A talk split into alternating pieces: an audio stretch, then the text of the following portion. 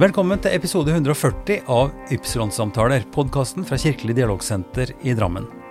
Navnet mitt er Ivar Flaten, og i denne episoden snakker jeg med Aishe Kocha, eller Kåka som hun ønsker å kalle seg. Aishe er født i Tyrkia i 1975 og kom til Fjell i Drammen fem år gammel, sammen med mor og sju søsken. Her ble hun gjenforent med far, som hadde reist før. Aishe ble inspirert til lærerutdanning etter skoleår og etter hvert praksisjobb på Fjell skole under rektor Egil Flatmarks ledelse. Hun er også forfatter av barne- og ungdomsbøker, og ble i 2014 nominert til Brageprisen og Kulturdepartementets debutantpris. Aisha jobber nå i Bærekraftsbiblioteket, med særlig oppmerksomhet på barn og unge. I denne samtalen snakker vi om identitet og tilhørighet, om woke, om sensitivitetshensyn og hvordan en skal navigere mellom utfordring og forsiktighet i kultur- og identitetsspørsmål. Det må være rom for den enkeltes frihet og individualitet i flokkene våre.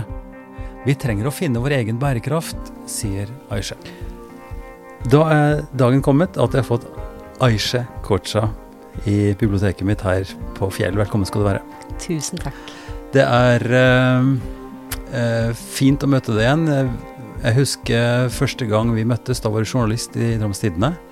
Eh, Jeg var ganske fersk her og hadde et eh, fortellerprosjekt som skulle komme i kirka, og dette ble det en sak av. Eh, Du er også opptatt av kulturmøter. Ja, absolutt. Og når vi møttes, så var jeg også veldig fersk, så det ble jo et veldig spennende møte hvor vi fikk lov å oppdage er lov å si hverandre, og, og hva vi jobbet med, og hvem vi var. Mm. Eh, og kanskje var det det som gjorde at vi fikk et ganske sterkt bånd, tror jeg, selv Ja. om vi ikke har rukket å, å følge det Mm, opp de mm. siste årene. Mm. Nei, fordi eh, den gangen så var det jo også litt sånn konfliktfylt. Det var et, eh, det var et fortellerprosjekt Mm. eh, som noen norske eh, kvinner, altså som jobba med fortelling, satte sammen, og de ville ha en forestilling om profetmødre. Og det vil si, det var jo også Det var Jesus, det var Moses, og det var profet Mohammed. Mødrenes fortellinger. Og, og eh, dette i en sammenheng hvor de ønska at det skulle foregå i et kirkerom. Og det var ikke alle i, i vårt prosti som syntes hørtes bra ut. Altså at det er en forsiktighet, at det er en uro eh, når en tenker på at de store religionene møtes, at det er en fare for blanding eller, eller ja, et eller annet som en er urolig for, i hvert fall. Ja, Mm. det, det er så paradoksalt, fordi vi snakker jo Du sa jo nettopp de tre store religionene som har så mange likhetstrekk, at historien Det er jo en historisk utvikling her, hvor, hvor man da, når man følger disse religionene, Mm. eh, også kan se ja, Vise tilbake til de samme mødrene, eh, og vise tilbake til den samme historien. Kanskje Mm. tolket på litt andre måter, Mm. seinere. Men, men jeg syns det er litt paradoksalt at vi likevel ikke klarer å få de til å smelte mer enn en det vi har klart å gjøre. Mm. Eh, og det har så, så klart mange historiske og, og praktiske, konkrete årsaker, fordi eh, religionene får jo en form i forskjellige tradisjoner, og du får forskjellige liturgier, forskjellige måter å tenke på, tradisjoner, men også politiske implikasjoner, fordi at religioner blir knytta til statsformer, til, til lederskap, og det er jo ikke noe hemmelighet at, at den første kristne perioden ble veldig sterkt knytta til, til keiseren. Keiseren som fant ut at kristendommen var en slags samlende, eh, en samlende kraft i det store keiserdømmet, som gjorde at, at det var opportunt, at det var praktisk. Eh, så, så religion og, og makt er jo en, en sammenheng som, eh, som vi har sett utfolde seg på, på mange slags eh, uheldige vis, for å si det forsiktig. Ja, altså Jeg tenker jo at det er så mye altså, Det er vi mennesker som gjør dette til et komplekst Til en kompleks situasjon. Mm. På én side så har jeg en formening om at tro er så personlig, og samtidig blir den jo ikke det. Fordi hvis man da går for en trosretning, eller man eier en trosretning, så eier man den ikke helt alene. Eh, så så det, ligger, det ligger noen kompleksitet i, i, i det kjernepunktet på hva som, som er ok Eller hvordan man skal praktisere, hva man skal tro, hvem man skal følge. Fordi tro i dag, og har gjort i, i, over flere over historien, tror jeg Jeg kan ikke veldig mye om dette, altså, Ivar, Mm. men slik, det lille jeg kan, er at over, over tid så ha, er, er tro veldig et koll, blitt et kollektivt.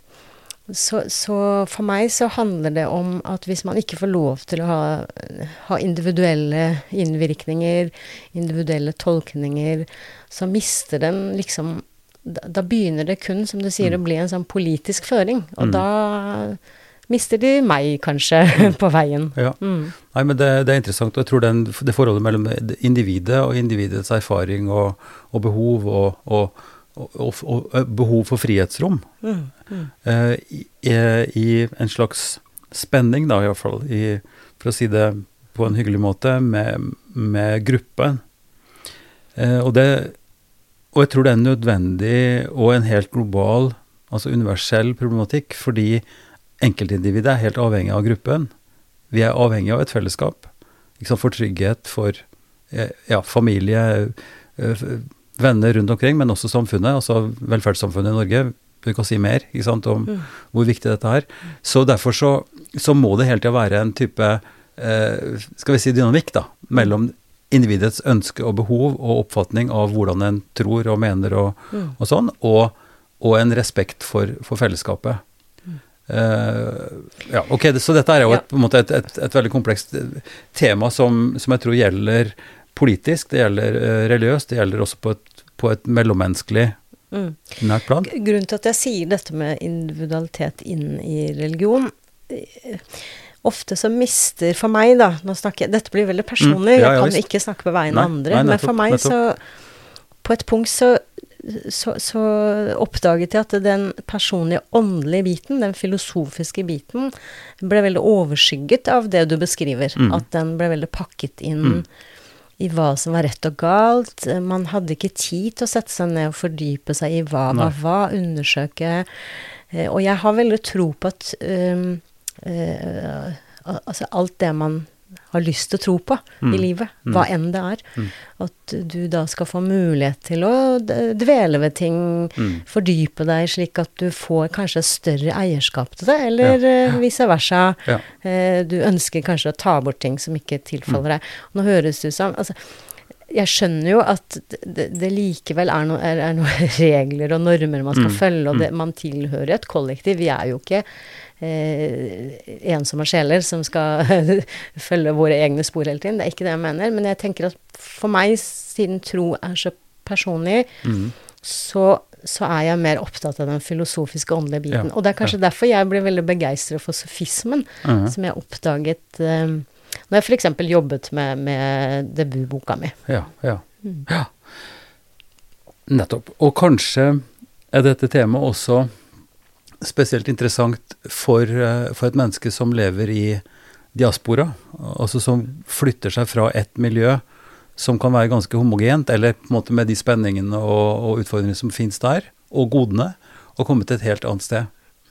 F.eks. fra Tyrkia til Norge. Mm. Kan ikke du si litt om den reisen din? Eh, jeg kan selvfølgelig si noe om den reisen. Jeg husker vel ikke så fryktelig mye. Minner er veldig Mm. flyktige. Men jeg kan huske at vi tok fly hit. Eh, dette blir veldig Mm.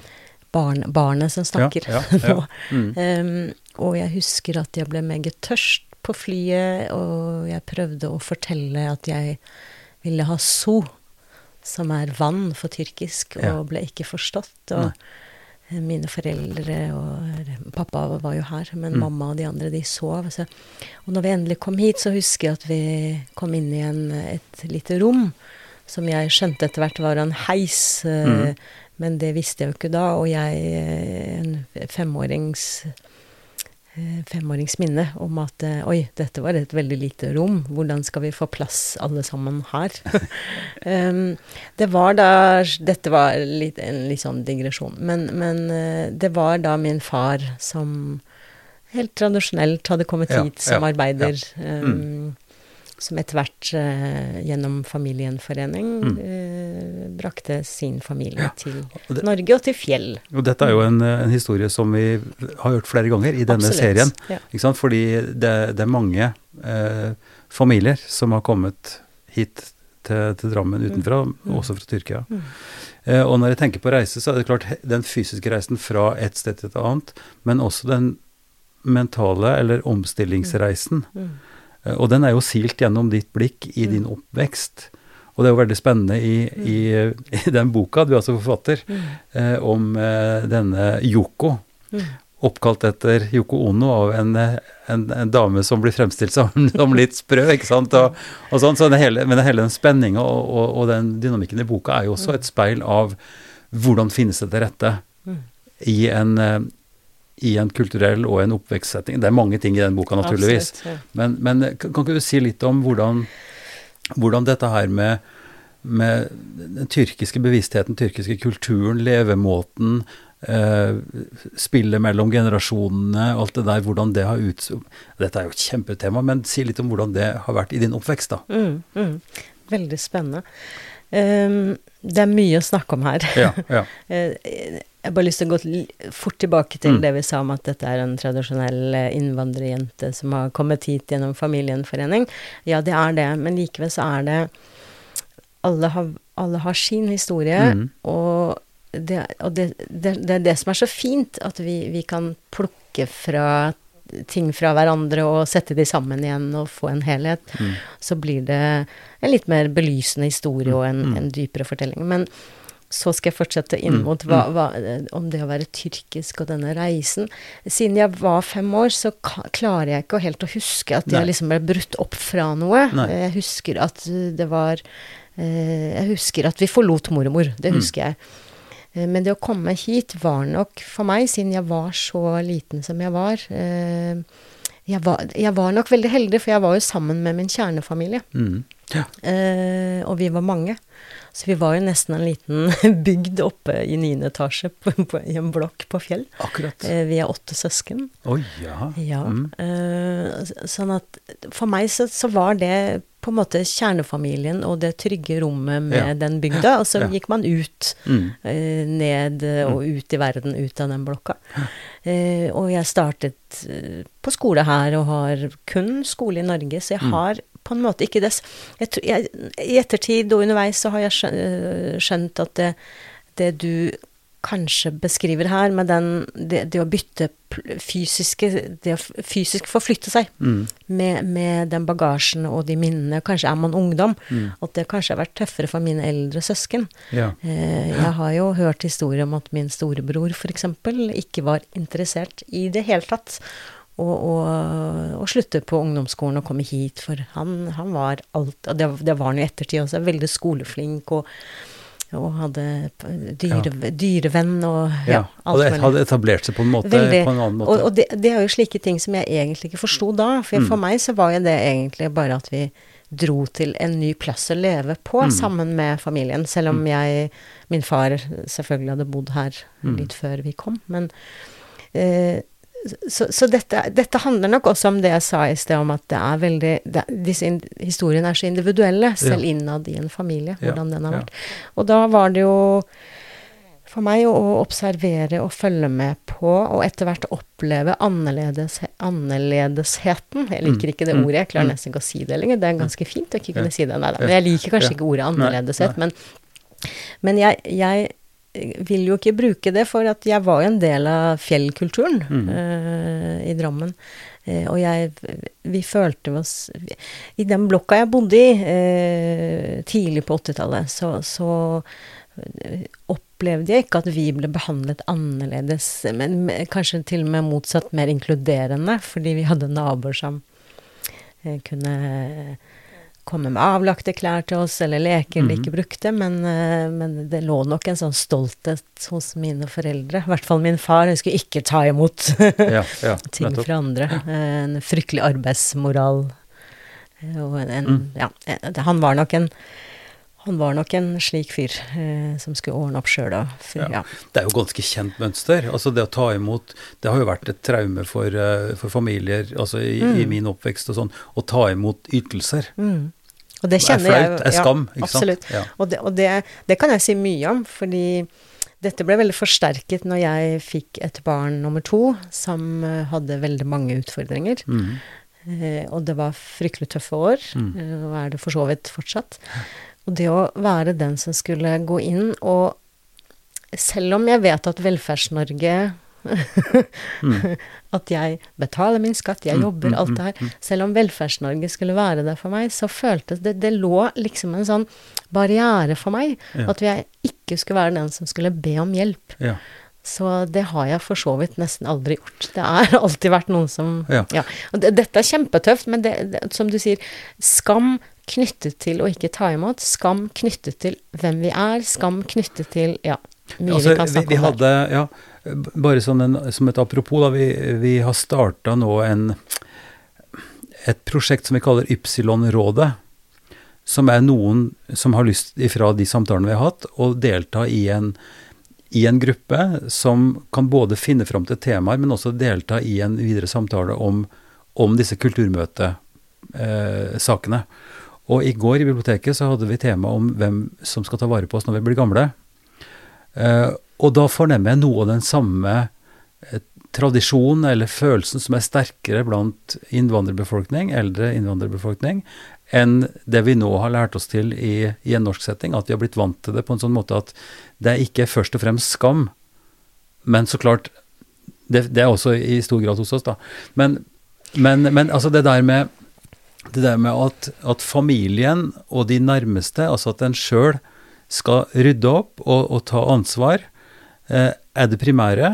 Og det er nesten sånn at, at en kan stå i fare for å bli stempla av andre i sin egen eh, kulturelle sammenheng som svikere eller som dårlige mennesker, hvis en lar andre gjøre det.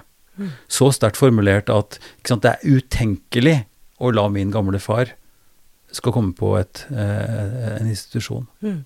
Er det, noe, er det noe der som gir resonans, syns du? Ja, absolutt. Igjen så tror jeg det handler om, om eh, kollektivtanken, om hvordan samfunnsstrukturen Eller hvilke samfunnsstrukturer man kommer Mm, fra, mm. hvilke erfaringer man gjør seg. Og alt dette virker jo er veldig kjent for meg. Mm. Veldig, veldig kjent. Jeg tror at jeg har blitt litt herda.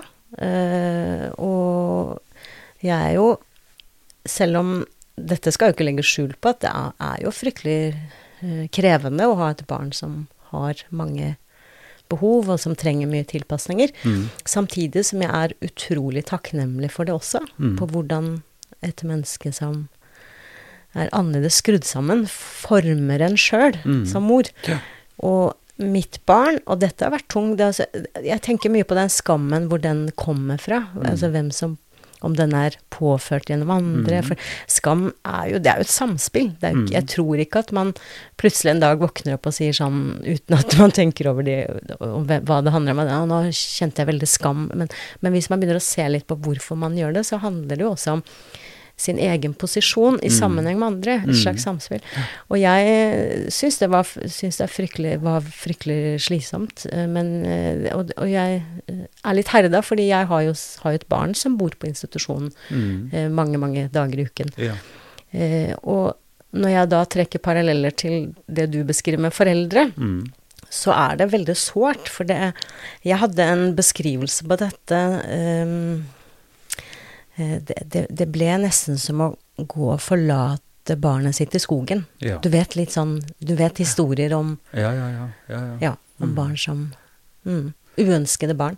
Så jeg tror den tanken om å ikke være uønsket i et kollektiv, og de konstellasjonene og, og det samholdet som kanskje er krevd fra eh, tidlig av, Mm. og, og de, de rangeringene, ikke minst. Det er jo eh, nesten et lite sånn kastesystem i, i, i den um, storfamilien, ofte. Mm. Nå snakker jeg igjen veldig personlig ut fra meg selv, men jeg antar at det er flere som har det slik, og jeg kjenner flere som kanskje har det slik også. Mm.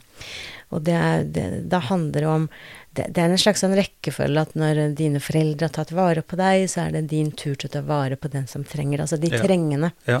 Mm. Det, å, det å sette bort noen i skogen hvis Jeg, jeg bruker dette uttrykket ja, ofte. Det er en Mm. følelse. Det er. Jeg tror det er det nærmeste jeg kommer den følelsen Mm. av tilkortkommenhet. Og overlate Ja. noe til seg sjøl. Ja, ja, og og i hvert fall de som er trengende. Det å overlate noen til seg selv, som er oppegående og er veldig klar på at de kan stå på egne ben. Sånn som jeg har en sønn på 24, han går i den kategorien. Eh, og der kjenner jeg jo ikke Der har jeg vært veldig opptatt av Jeg tror det har vært både bevisst og, ubevisst. Fordi jeg er så opptatt av individet. At han skulle få lov til å velge selv. Han skulle ikke eh, bli slukt inn i et kollektiv med hva alle andre ønsker. Eh, og der, der har jeg ikke følt jeg kan, aldri, jeg kan nesten ikke huske noen situasjoner hvor jeg kan beskrive at 'å, dette var så fælt'. Det føltes som at han ble avskåret, eller jeg, han ikke var uønsket. Det var selvfølgelig tøft når han skulle i militær og så alle disse typiske tingene vi foreldre, men, men ikke på samme måte. Dette er en mye sterkere følelse. Og jeg tror at eh, også i min familie, når min far ble syk, eh, min mor ikke minst, eh, som døde for noen år tilbake, Mm. eh, på, på den skammen kanskje også andre påfører deg. Eller den Eller de forventningene. Jeg tror det ligger en slags sånn et uuttalt uh, Uuttalte forventninger om hvordan det burde være. Mm. Uh, og jeg skjønner jo det, altså det, hvem, sånn rent etisk La oss rydde bort alt. mm, Hvem vil med hånd på hjertet gå inn og erkjenne eller føle på og innrømme for seg selv at nei, nei, jeg har ikke tid, og jeg bryr meg ikke om noen som trenger det. Det er ingen som ville gjort det. Men når man begynner å se litt på omstendighetene og hva som gjør at man hva som gjør at familier eller, eller søsken For dette kunne jo vært en dette, dette skjer vel også i norske familier, det Mm. vet jeg jo. Ja, ja, ja. Men, men terskelen for at mor eller far havner på et eldrehjem, eh, at aksepten der er kanskje litt større, for det har vært kultur for dette over tid. Mm. Men, men likevel, i de familiene hvor de båndene tilsynelatende skal være så sterke, og jeg tror det også kommer av, og jeg tror jeg nesten er helt sikker, jo, jeg er nesten sikker på at vi snakket jo om det å forflytte seg fra eh, en, eh, fysisk fra et sted, fra en samfunnsstruktur, til, en, til en ny plass. Eh, her, så når jeg beskriver min familie, vi var åtte unger, og jeg får ofte, ofte så ble, får jeg spørsmål relatert til om jeg kjente meg igjen i mormor og de åtte ungene. Og jeg pleier å si at det, det var jo nesten min første bok hvor min, jeg hvor jeg virkelig kunne identifisere familien min. Ja, Min første ja, ja, barnebok. ja, ja. Nesten en bibel for meg. Ja. Eh, og det var veldig fint å lese den. Mm. Men jeg begynner å tenke litt på hvordan alle disse rollene tilpasset seg, og det ble liksom et lite samfunn. Mm. Og da kan man jo ikke overlate Det ligger liksom i sakens natur. Du kan jo ikke bare plassere bort en eller annen. Og det på samme, nesten på samme linje med en som er syk. Mm. Eh, la oss si at en da er um, såpass syk at den må bo på sykehus en stund. Mm, Det kan jo være alt fra barn til gamle, det. Ja, ja. Mm. Hvor mange av oss har hjerte til å ikke besøke det barnet, eller være til stede, eller for den gamle, eller for Mm, det tenåringen, eller hvem som helst. Eh, Det ligger der. Og så tror jeg det ligger et lag til, og det handler om eh, en, en forventning og en oppdragelse som handler om at eh, dine foreldre eh, har du har skal du huske altså, det, ligger noe, det ligger noe der som handler om at du skal, du skal være takknemlig for at du er deres barn. Og den, ehm, det, det skal du vise når de blir Ja, eldre. Ikke ja. ved å besøke de og ta en kaffetår, men virkelig ta vare på de. Og da mener jeg ta vare på de i omsorg og i all, ordets store forstand. Mm. Så det ligger flere lag her som kanskje for en eh, For en, ja, en eh, norsk nabo på Fjell kanskje ville forstått på samme måte. Fordi at her, her ligger jo samfunnsstrukturene til at det, eh, folk er i jobb. Man har kanskje ikke mulighet til å være til stede for sin gamle mor og pleie den 24-7. Eh, som jeg sier, jeg relaterer det ofte til barnet mitt. Mm. Jeg har Og det er ikke en mulig oppgave. Fordi det å være pårørende, omsorgsperson, kontorsekretær Ja, eh, ja. eh, Det er så utrolig mange roller innpakket i en omsorgsrolle. Mm. Som for en som skal fungere i dette samfunnet. Eh, for det er jo ikke slik at velferdssamfunnet kommer til deg og sier ja, men vi skjønner deg, klapper deg på ryggen og sier vi skjønner at moren din er syk, vi skjønner at sønnen din er syk, du kan faktisk få lov til å være hjemme og passe på. Ja. Det er ingen som sier det til deg. Det skal fungere på mange vis. La, la oss følge det sporet bare litt til. Jeg har Mm. lyst til at vi må på en måte gå inn litt mer i eh, Mm. noen andre temaer. Men, Mm. men det som er interessant fra samtalen i går, da, for å, å, å relatere til den, altså hvor vi snakka om, om eldre og, og sånt noe, så kom det opp en analogi som jeg syntes var interessant. Altså eh, vedkommende, det var for øvrig Sukhvinder Singh som sa det, vi er jo blitt vant til, og det er uproblematisk, at barna våre går i barnehage. Altså den motstanden eller, eller skammen eller eventuelt eh, avstand til det, den er blitt veldig mye mindre Mm. og mer akseptert. Mm. Men, men når en tenker på samme måte for de eldre, altså at en også har behov for en type si, aktivisering, eller en, altså en fase hvor en har behov for et fellesskap og knytte kontakter og bli på en måte ivaretatt før en er på pleiestadiet. Mm, mm. ikke sant? Mm. Og der er jo noe av det som har vært dilemma for, for Mm. kommunen, sånn som jeg har forstått det også. Mm. At de har et sterkt ønske og, og et behov for å komme i kontakt for å kartlegge, bli kjent osv. Mm. At det ligger at der ligger et potensial da, Mm. som ikke er i, i, i kontrast med, med ønsket om å ivareta, snarere tvert imot. Jeg forstår. Og, og det er derfor jeg kanskje sier lag, for at det jeg ikke rakk å snakke om i stad, var jo brukeren. Altså hva med de eldre som faktisk skal få denne tjenesten Mm. eller ikke? Mm. Og hva ønsker de? Mm. Jeg kan ikke tenke meg at det er eldre foreldre som eh, setter seg på bakbeina og forventer at barna deres skal stå eh, klare for de 24-7. At de har hjertet det, det tror jeg ikke. Nei. Samtidig så tror jeg det ligger noe der som, som rett og slett handler om en usikkerhet for de også. Mm. Ikke for barna, Mm. kun barna. Mm. Og de, mange av de kan kanskje ikke nok språk. Nettopp. De er ikke vant til den maten de eventuelt vil Nei. få servert. Min Nei. mor kom jo med når hun lå på sykehus, kunne ikke spise det. Hun likte ikke den fisken, og den Nei. poteten var altfor overkort. Altså, det Ja, kunne ja, være ja. mange ting. Hun skulle ha ost. Altså, det, ting som hun Og, det, og, det, og dette, dette handler rett og slett om en respekt for at de i sine siste dager, holdt jeg på å si, skal Mm. få det ålreit. Det vil jeg ha. Altså, jeg vil jo ikke plage noen. Eh, Men samtidig så ha, har jo de også rett til at de skal få tilrettelegging og ha det Mm. hyggelig. Mm. Så, men jeg tror det er mye usikkerhet fra deres side også. Mm.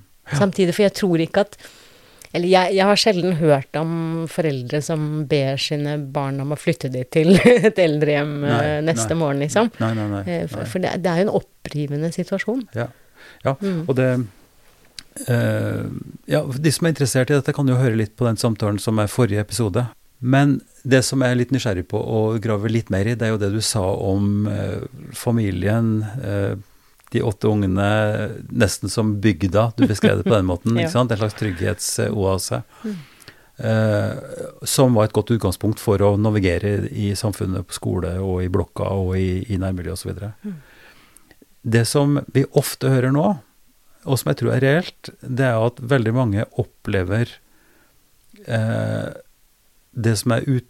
Altså samfunnet, da, eller, eller det å bevege seg utafor hjemmet, oppleves som å komme ut i en, i en farlig og en usikker eh, plass, hvor en blir stilt spørsmål om, om tilhørighet, hvor en får kritiske spørsmål.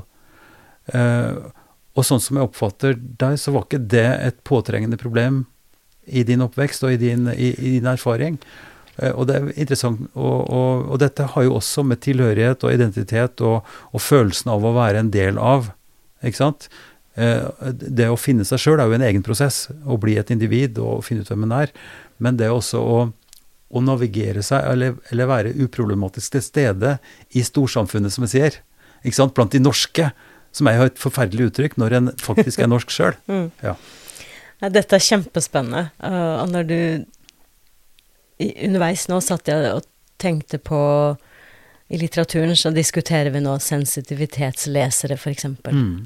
Uh, mennesker vi skal beskytte, leserne og barn osv. Og så er det hele tiden et dilemma.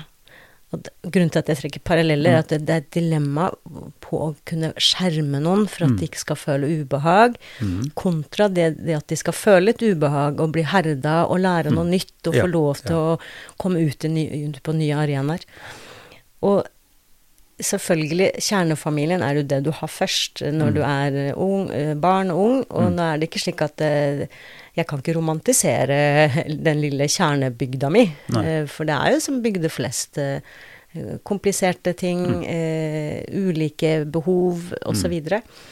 Eh, når det gjelder det som skjer der ute, så tror jeg at det lå på en eller annen måte, selv om jeg ikke opplevde det som veldig komplisert, at vi var en tyrkisk familie eh, med barn som var ute i det norske samfunnet, og det var annerledes enn det vi hadde hjemme, kanskje, så var det likevel Det lå, det lå liksom en sånn komplisert noe der likevel, fordi hele tiden så, så var vi innprenta med at vi ikke kunne gjøre alt Mm. som det storsamfunnet begynte på.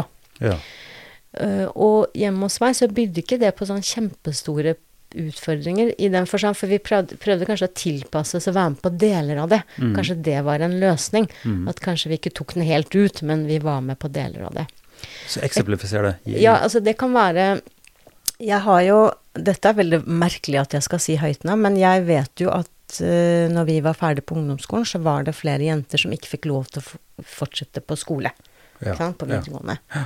Og nå, nå snakker jeg om innvandrerjentene fra det miljøet jeg kom fra. Ja. Mm, og, det, og for meg så var det nesten uhørt, for hjemme hos meg så hadde jeg eldre søsken som kanskje var opptatt av at man skulle videre på skole. Min Mm. far var analfabet, men han så han hadde fått smake på det. Sant? Det å komme til et nytt land og ikke kunne lese. altså Mm, Han kunne, fikk jo aldri satt førerkort osv. Mm. Men han var veldig opptatt av å følge med på hva som skjedde rundt seg, eller ikke rundt seg, han var en litt anonym fyr, men det som skjedde ute i verden. Mm. Eh, og, og, så, så for han var det der å gå på Det der å ta utdanning, Mm. det var egentlig ikke en sånn skal, skal ikke. Jo, det skal man. Ja. Uh, men selvfølgelig, man uh, Det var ikke sånn at han heiv oss ut på kunststudier, for der var det også begrensninger på hva man skulle være solid. Det skulle være solid, det skulle være ordentlig, og yrke man kanskje kjente til. Mm. Men likevel så, så, så, så vi fikk være med på deler av det, i den forstand at hvis det dukket opp klassereiser, ja, da fikk vi ikke være med, for det var overnattinger. Eh, hvis det dukket opp eh, Jeg husker jo senere, eh, hvis man skulle Kall det gå ut med venner, da, så var det også innafor de rammene. Mm. Ja. Så det var mye rammer rundt, Mm, og, og kanskje passe på i større grad. Mm.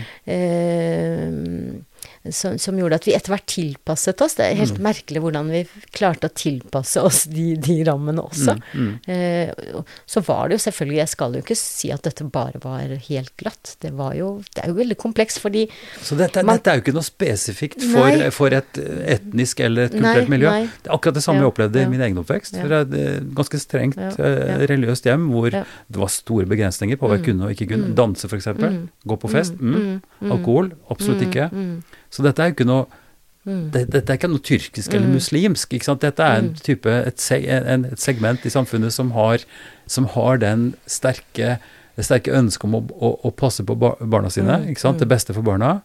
Eh, men så må man finne løsninger, da. Og, og vi fant jo løsninger. Vi gikk jo rundt dette her og, og, og, og, sneik oss til litt og datt. Ikke sant? Og, Ja. og det syns jeg er veldig fint. Og, en ting som jeg oppdaget underveis, et, og spesielt i ettertid, det var vel at Jeg vet ikke helt om dette stemmer, men jeg kan i hvert fall fortelle hvordan det var for oss hjemme. Mm. Hjemme hos meg så var det ikke veldig store, tydelige skiller på det å være gutt og jente. Nei. Og det forsto ikke jeg, for dette var jo helt vanlig situasjon hjemme hos i min, det du beskriver som tyrkiske familie. Mm, Men når jeg begynte å få venner fra andre tyrkiske familier, mm, så oppdaget jeg at der var det veldig tydelige, klare skiller på hva gutt og jente kunne gjøre. Mm. Og jeg, dette var veldig Begynte jeg å tenke litt over og følge litt med og prøvde å utforske. Og jeg tror, nå som jeg er blitt voksen og fått være med litt i de miljøene som min mor og far var vokst opp i eh, min, Mine foreldre, de er vokst opp eh, de er vokst opp i kollektiv, Mm. og ikke sånn 70-tallskollektiv i leilighet, men ute på vidda eller på setra. ja. Eh, fordi mm, de var barn av tyrkiske Jeg pleier å si nomader, sånn at man forstår, eller urfolk, eller ja. ja, ok, De var jo mm. tyrkiske, men de drev med sauedrift. Ja. Og det fordret jo at de, de bodde sammen eh, i, i, sto, i, flokk med, i, i flokk, da. Altså, de hadde flokken sin, de Mm, mm, hadde eh, Det var storfamilie Mm, og ja. Og så når vinteren kom, så flyttet de ned til byen og leide seg en plass og bodde der, og så var det tilbake. Sånn at Ja. mine foreldre var veldig vant til den der kollektivvirksomheten. Min far syntes ikke noe om dette, det skjønte jeg jo etter hvert. For han, eh, hans far hadde dødd eh, tidlig, og, og eh, som eneste gutt i denne i denne jenteflokken som var hans søsken, så var det en onkel. Han hadde liksom fått oppleve litt negative ting. Ja, ja. Mens min mor forherliget det, for hun eh, hadde jo Hun hadde jo fått lov til å være midtpunkt. Og der var ikke de skillene mellom å være gutt og jente så Nei. tydelig. Nei. Og jeg husker veldig godt at når jeg, jeg fikk oppleve min, eh, min eh, grandtante, som tidlig var blitt enke Hun var en kjempesterk kvinne. For henne var det viktig liksom at hun hadde stått på. Jeg har, så, jeg har møtt mange slike kvinner Mm. eh, i ettertid som eh, ikke har Som har fått ta plass, Mm. eh, eller har, har tatt plass i Mm. de, de samfunnene. Eh, jeg vet ikke om det er dette som er svaret på hvorfor det var slik hjemme hos meg, men jeg kan Ja. veldig sjelden huske at min far eh, sa For jeg, det hørte jeg av andre, at det, dette kan ikke jenter gjøre. Mm. Det hørte, dette var ikke sånn standarduttrykk hjemme hos oss. Da var det mer 'dette kan du ikke gjøre', og 'dette er ikke greit for oss'. Ja. Eller eh, er du ja, Selvfølgelig har jeg hørt dette. Har du blitt norsk? Det har jeg hørt hjemme hos meg. Men skillet mellom gutt og jente, den var kanskje ikke så skarp og tydelig. Nei.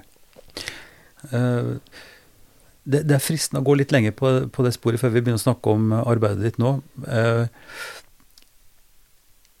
er, det en, er en utvikling? Er det en, er det en negativ utvikling i den forstand Altså Vi kan jo snakke om tida etter 2011, eller 2001 for så vidt, altså med, hvor det ikke lenger var snakk om, om tyrkisk eller, eller pakistansk, men det var snakk om muslim. Mm, mm. Hvor, hvor det var et skifte fra, fra en slags eh, ja, forståelse for at her er det fremmedarbeidere, som det ble kalt den gangen, innvandrere med forskjellig kulturell bakgrunn, til plutselig å bli et slags Mm. farlig kollektiv av, av eh, femtekolonister, på en måte. Mm, mm.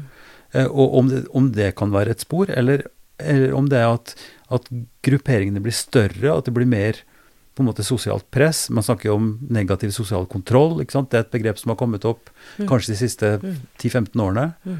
eh, som et uttrykk for at her er det et slags en, en tanke om at, at den kulturen som der utspiller seg, er i en slags kontrast, eller kanskje til og med i en, i en motbevegelse mot det som vi tenker på som det norske, i den grad man kan snakke om det i det hele tatt. ikke sant? Men den identitetspolitikken da, som også har blitt tydeligere. Mm.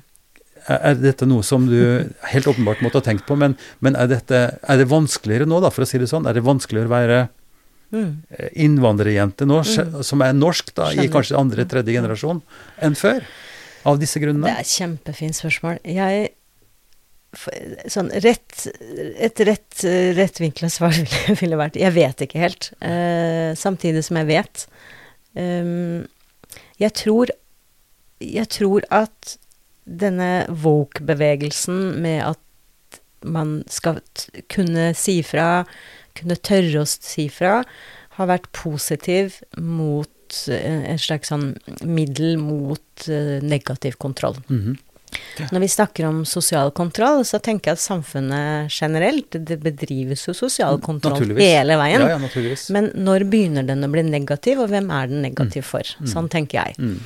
Og jeg tror at eh, det å løsrive seg fra noe man er vant til, fra en situasjon man er vant til, er mye tøffere eh, for de jentene eller kvinnene eller guttene, for det er jo mange gutter som også opplever dette, eh, er vanskeligere fordi man allerede har mange eh, bånd, og det er tettere bånd man har skapt seg. Man er jo en del av, av, av, et, av et kollektiv Mm. enn det det kanskje er for, for gutter og jenter som er vokst opp i kollektiv, hvor individualiteten står sterkt. Ja. Så jeg, tror, jeg gjør et lite skille der, Mm. på en måte, for å forstå dette.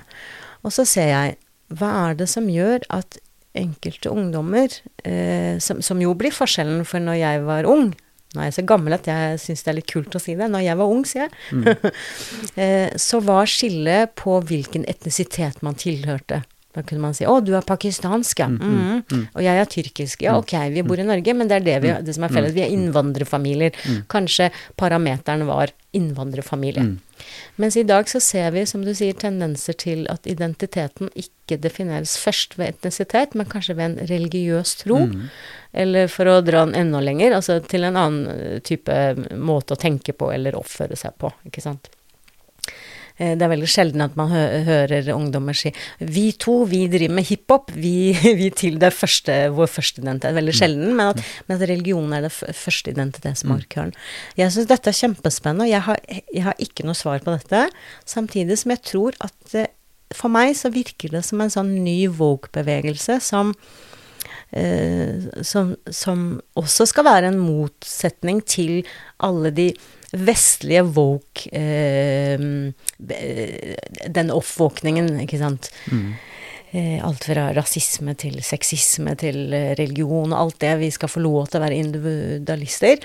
Og så tror jeg det, min, det jeg opplever er, og ser, tror jeg, er at det er en ny motsatt woke-bevegelse blant enkelte ungdommer, hvor de skal vise at de, de er ikke en del av dette.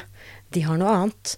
Og nå må samfunnet se at det, her ligger en individuell tenkning. Jeg må få lov til å, å, å tro på noe som kanskje storsamfunnet ikke syns er kult.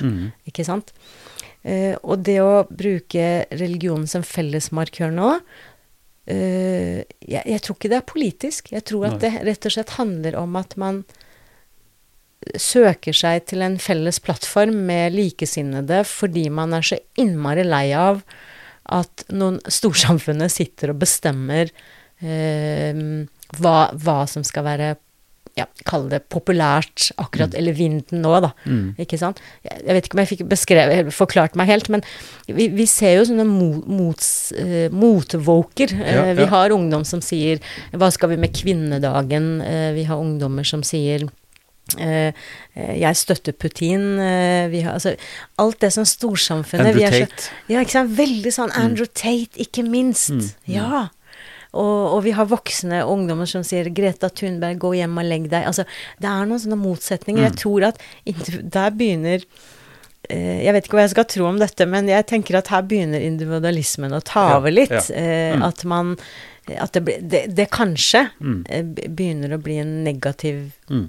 Men kanskje er det også et, et, et grep som er fornuftig eh, å tenke om sånn. Altså, vi hører jo i kristen- eller kirkesammenheng, da, som er, har vært min kontekst eh, i jobb de siste årene, så sier vi at å, øh, sekulariseringen går så langt. Mm. Folk tror ikke lenger. Mm, mm. De går ikke lenger til, til gudstjenester, Mm, eller de, de definerer seg ikke som en del av et, et religiøst fellesskap. Det på en Mm. måte opp, oppleves som, som et problem. Og så, og så er man sånn overfladisk sett, og det syns jeg er ganske interessant, litt misunnelig på en tydelig religiøs bevissthet hos muslimer. Ja. Ikke sant? Som jeg, som jeg på en måte oppfatter som litt misforstått, fordi jeg tror det er mer sånn som du sier, at det er sånn som en norsk sjømannskirke Mm. i Tyrkia eller i, i Spania, hvor folk kommer i mye større g- gruppering. Hvorfor det?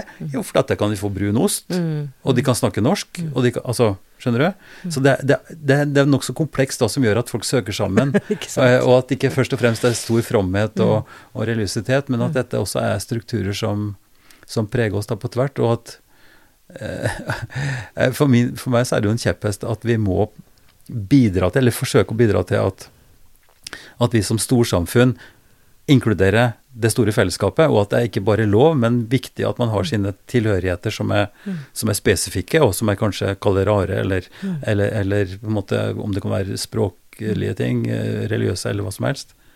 Frimerkeklubb for den del.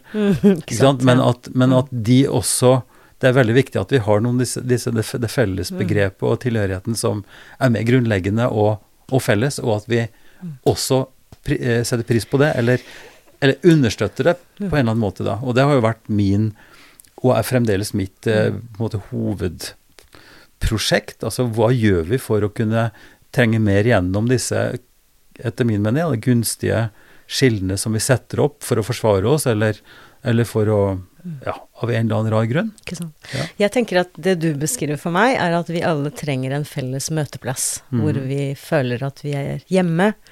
Hvor vi føler oss uh, i tilknytning og ønsket i et fellesskap. Uh, og, og det, jeg tror kanskje det er den ehm, den tanken man liker så godt. Man har lyst til å være en del av et større samfunn Mm. hvor alle tar vare på hverandre, og det er Mm. ja, for å bruke et Nå er ikke jeg veldig religiøs av meg, men for å bruke et religiøst uttrykk, skikkelig i den også. Nå er vi i paradis. Mm. Ja, Skikkelig. ja, ja. Og jeg tror den tanken er så god. Å, fordi jeg tror Og jeg kan forstå den veldig godt også, for i dag, tenk på hvor mye vi vi er vitne til ensomhet, ekskludering det å ikke, Og ensomhet handler jo ikke om at man er alene. Man kan jo bo sammen med 150 stykker eh, i et kollektiv, men likevel føle at man ikke tilhører akkurat de. akkurat. Så jeg tror liksom alt denne ensomhetsfølelsen kontra den gode tanken om å tilhøre noe større. Derfor så liker jeg, er jeg enig veldig i det du beskriver, at hvis du er forkjemper for at vi skal samles rundt noe, ja, det burde vi gjøre mer av. Uansett hva vi kaller disse plattformene. I ditt tilfelle er det jo kirkelig samfunn, i mitt tilfelle er det kanskje noe annet, men, men likevel så tror jeg at vi trenger det i dag. At vi må skape de rommene. Også fysiske rom. At vi rett og slett møtes fysisk. Eh, og jeg tror at alle kan ha godt av det. Så har jeg noen sånne eh, For meg som må på plass for at dette skal fungere. Og i en flokk man, For dette fellesskapet blir jo en flokk, så skal man likevel kunne gi Hvis det der gis rom for individuell tenkning, hvis det gis rom for at man eh, kanskje ikke trenger å eh, være med på alt som foreslås, eller heie på alle de reglene som settes der, og ikke minst at det skal være litt demokratiske forhold innad i den flokken, så den tanken er kjempe, kjempefin, og det liker jeg godt. Eh, for, for vi kan jo ikke vi, vi, Det er jo ingen som kan være alene eller for seg sjøl. Det er jo ikke sånn samfunnet fungerer.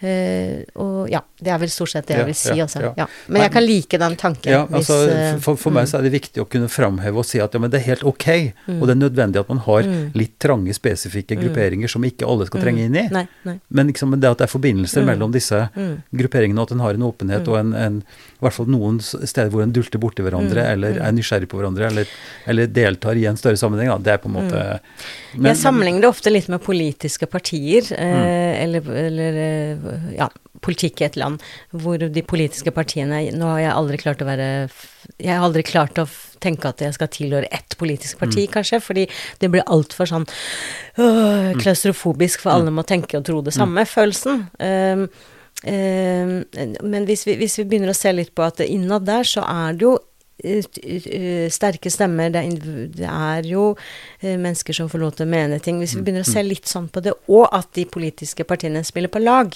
Ja, og ikke ja.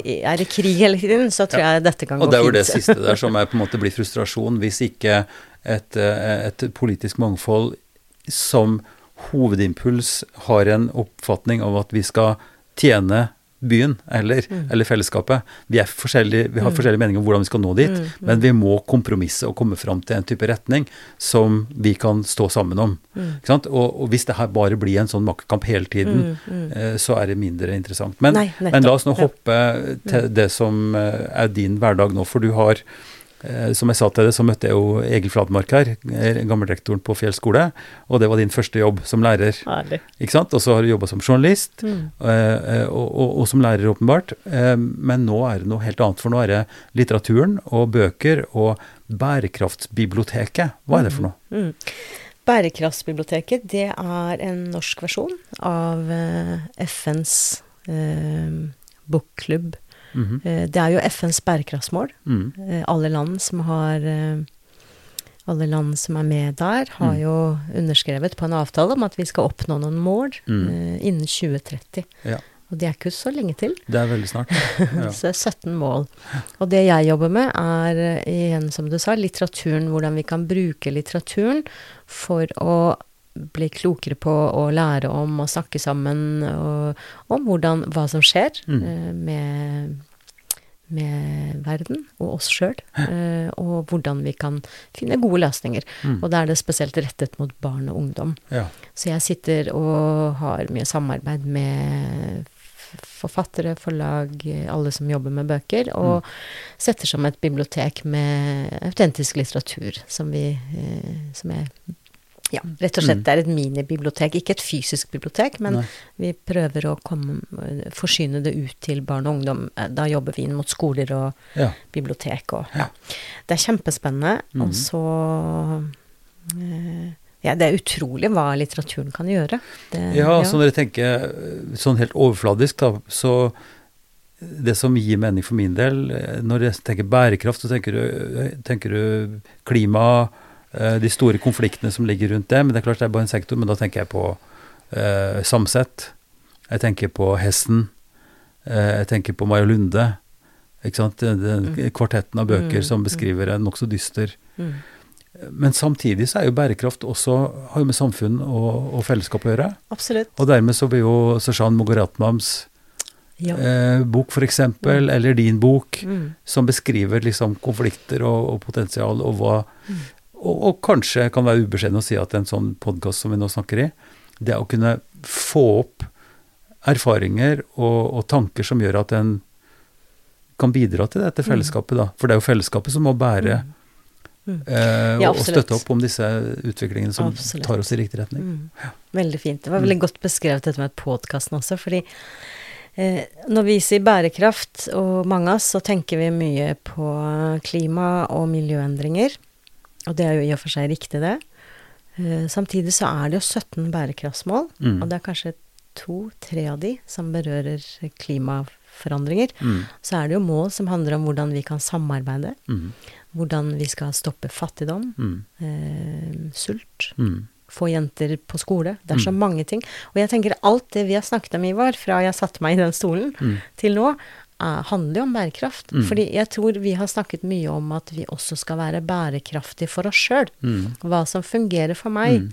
Jeg må også finne ut uh, hvordan jeg skal forholde meg til samfunnet og være slik at jeg også orker å være i dette. Mm. Og dette prøver vi også å snakke med barna om. Uh, fordi selv om det er et dystert bilde ute, så kan, kan vi jo ikke late som at det ikke skjer. Det er ikke det at vi bare lukker øynene og så går det over. For dette er jo noe som angår oss alle. Men vi jobber eh, Altså for å ikke gjøre dette superskummelt for barn, så er vi nødt til å se på løsninger. Og det syns jeg vi voksne kunne vært mye flinkere til Ja, også. ja, ja. At vi sammen ser det reelle problemet. Mm. For barn er så mye mer klokere enn oss eh, voksne, og når vi har lest sammen, eller begynner å snakke om hva denne litteraturen får oss til å tenke på, så er vi også nødt til å få innblikk i historier fra det som er utenfor oss. Mm. ja. Og selv her eh, i Drammen eh, så er vi nødt til det. Vi er jo ikke en kjempestor by, men vi er nødt til å komme tettere på hverandre. Vi, vi ser jo f.eks. mennesker på flukt. Mm. Hva kommer det av? Jo, dette er jo rett og slett bærekraftsmålene vi snakker om. Mm. Det skal, vi er nødt til å ha rettferdighet, vi er nødt til å ha et større samarbeid. Og når, når vi snakker om, eller når vi hører om bærekraftsmålene, og det tilhører FN, Mm. så kan jo et lite menneske føle at det liksom, nei, dette her er kanskje ikke helt mitt felt. Mm. Jo, det er det. For alle land som har forpliktet seg til å delta, som jo Norge òg har gjort, Mm. der, er- der står det tydelig og klart at alle som bor i samfunnet, skal delta. Mm. Mm. Og jeg er superopptatt, som du også nevnte, at jeg Dette må vi se i sammenheng. Vi er nødt til å se eh, hvordan vår lille by, den enkelte familie, det enkelte individs posisjon, Mm. hvordan det er med på å påvirke resten av verden, og hvordan det som skjer der ute, vil påvirke oss. Mm. Og nå snakker jeg ikke om at vi når jeg var ung, når jeg var liten og gikk på Mm. Fjell skole, så snakket vi kanskje Hadde vi eh, skolejogg for barn i Afrika. Mm. Mm. Det har vi ikke lenger. Men vi har noe tettere. Mm. Vi ser at mennesker ikke bare, dessverre, eh, opplever eh, sult og hunger fordi det har, eh, kun er klima. Vi opplever at mennesker eh, er på flukt gjennom ufred, Mm. gjennom havet som stiger, Mm. eh, gjennom eh, politisk virksomhet. Altså det er så mange, mange flere elementer som Mm. Ja. jeg tenker er innafor FNs bærekraftsmål. Mm. Jeg blir litt gira, så du må bare stoppe meg. Nei, men, men det her er jo det er høy, høyrelevant eh, av flere årsaker. Eh, det ene er jo at problemstillingene Vi kan bare liste opp. ikke sant, Klimakatastrofen eller klimaforandringene, krigen i Ukraina.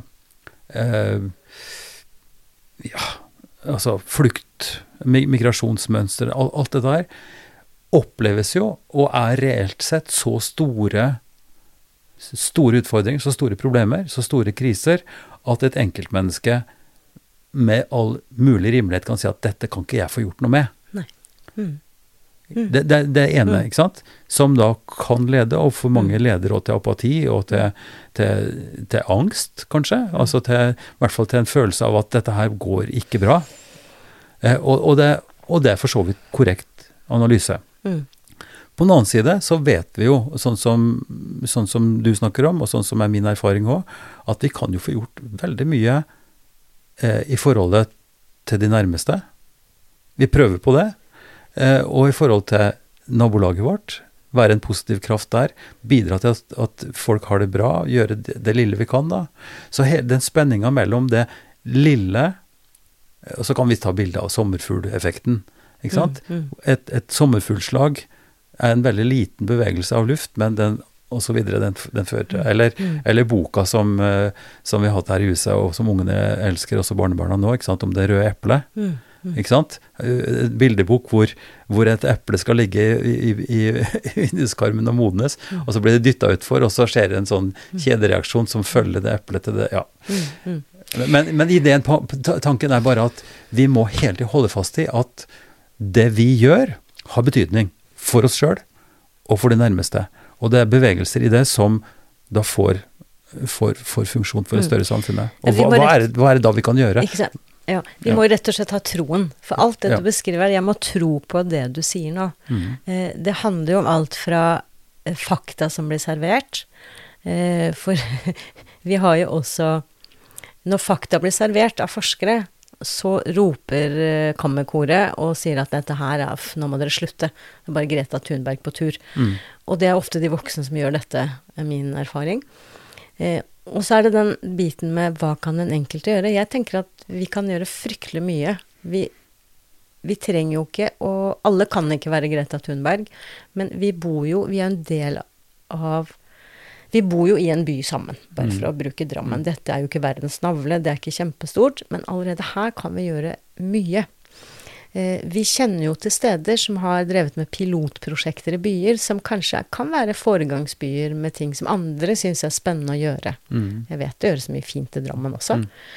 Eh, som enkeltindivid eh, La oss bare tenke at det, det, ja, men det gjør jo ikke noe om jeg bruker plastpose eller ikke. La oss bare begynne i det små. Mm. Jeg tenker Hvis vi begynner i det små, og kanskje leser litt om, som du beskrev, det røde eplet, biene Hvor viktig det bitte lille dyret er for hele det store økologiske systemet. Mm. Eh, og dette sier jeg, jeg er ikke noe jeg er ikke noe miljøforkjemper de luxe. Jeg eh, er et helt eh, vanlig gjennomsnitts, Mm. en Mm. gjennomsnittsdrammenser som lever, prøver å leve, Mm. ja. Og jeg er ikke sånn hardcore, og vi spiser kjøtt hvis vi må, ikke sant. Sånn at det, vi prøver ikke å pushe på noe mer enn vi klarer å takle sjøl, men vi gjør noen små grep. Mm. Og, og eh, det kan handle om at vi, kan, vi kanskje ikke reiser fryktelig mye med fly, fordi vi kanskje er det der vi kan hjelpe til. Mm. Kanskje bidrar vi til at vi ikke klipper plenen vår i bakgården, eh, fordi det er litt hyggelig med bier nå, syns jeg. Med humla, la humla suse litt. Mm. Før så syns jeg det var mer til bry. Mm. Men nå, nå Det er noen sånne enkle Mm. ting. Plastposer plastpose er vekk, vi har alltid med oss handlebag. Nå høres det kanskje litt sånn ja, men det hjelper jo ikke. Jo, det gjør jo det i lengden. For jeg tror at hvis vi som samfunn klarer å finne noen grep, pluss ikke minst at vi også prøver å se på hva som skjer der ute i verden. Mm. At vi i Norge ikke sitter på vår høye kjepp og s tenker Og vi har det veldig fint her, tross alt. Mm. At vi ikke tenker at det, men, at det blir så fjernt for oss. Det kommer en dag, hvis dette fortsetter med med at de rike og, og, velferdsstatene er de det går minst utover. Det kommer en dag hvor de det går mest utover, som kommer fra steder med dårligere politiske mm. forhold, mm. Eh, økologi, mm. alt mulig. Vi er nødt til å ta vare på de, for, for, hva er det vi har til sammen når vi begynner å gå ut av Drammen? Det er jo verden. Vi er en del av mye, et mye større ja, fellesskap. Ja.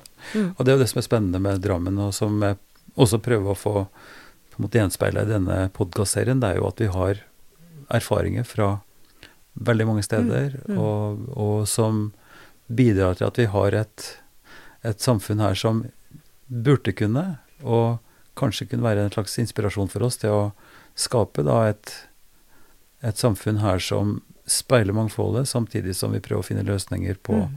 både de skal vi si, mer nærliggende Vi snakker mm. om omsorg, pleie for, mm. for, for syke og for mm. kroniske og for eldre osv. Men, men også det her med hvordan vi snakker om hverandre, hvordan vi tilrettelegger hverdagene våre, vi, hva vi er opptatt av vi trossamfunnene osv. Alt det der henger sammen i en helhet som, som, jeg tror vi har mulighet til å kunne dra i en viss retning. Mm, ikke sant? Mm. Vi kan bidra til at, at, vi tenker større, at vi tenker mer varmt, altså mer omsorgsfullt, og og også tar vare på hverandre i, i hverdagen, da. Mm. Jeg tror det som må til, er at vi rett og slett gjør oss flere erfaringer. Mm. Eh, og, og, for å få til det, så er vi nødt til uh, at vi møtes. Mm. Kulturmøtes. Vi må ha møteplasser. Eh, og så må vi Altså, jeg tenker jo Jeg tenker jo på at vi kanskje ikke har tid til tid til det heller. Mm. At kanskje noen må organisere dette i enda større grad. Ja, ja. Og derfor så er jeg ikke veldig mot at det, Jeg syns det er litt fint at det finnes slik som deg, som, som har hjerte for dette, og, og, i hvert fall hjerte på rett plass. Og som tenker at det er viktig med disse møteplassene, mm. og at kulturene møtes. Eh, og for idet vi begynner å ikke ha tid fortsette i vante spor, eh, så tror jeg at vi blir mer polarisert enn det vi er nå. Og så tror jeg at vi er nødt til å inkludere barn og unge i dette arbeidet. Mm. For det er de som skal følge i dette mm. sporet. Ja. Aisha, da har rett og slett tida eh, ikke gått fra oss, for vi har fylt den godt, syns jeg. Men vi kunne snakke mye mer. Eh, timen har gått, og jeg takker deg veldig for tida di, at du kom hit. Og lykke til med Bærekraftsbiblioteket og, og det du ellers står i. Takk Tusen takk, Ivar. Takk for at jeg fikk komme. Ypsilon-samtalene produseres for Kirkelig dialogsenter i Drammen av Ivar Flaten. Og det er jeg som eh, har redaktøransvaret, og, og som produserer episodene. Podkasten er støtta av Drammen kommune, av eh, Barne- og familiedepartementet og av Einar Juels legat. Vi ønsker svært gjerne innspill på hvem som kan være aktuelle som eh, samtalepartnere. Gjerne også med temaer til hva dere syns kan være interessant å høre om. Gi gjerne beskjed via mail til ivar krøllalfa ifd.no. Altså ivar krøllalfa ifd.no. Vi høres.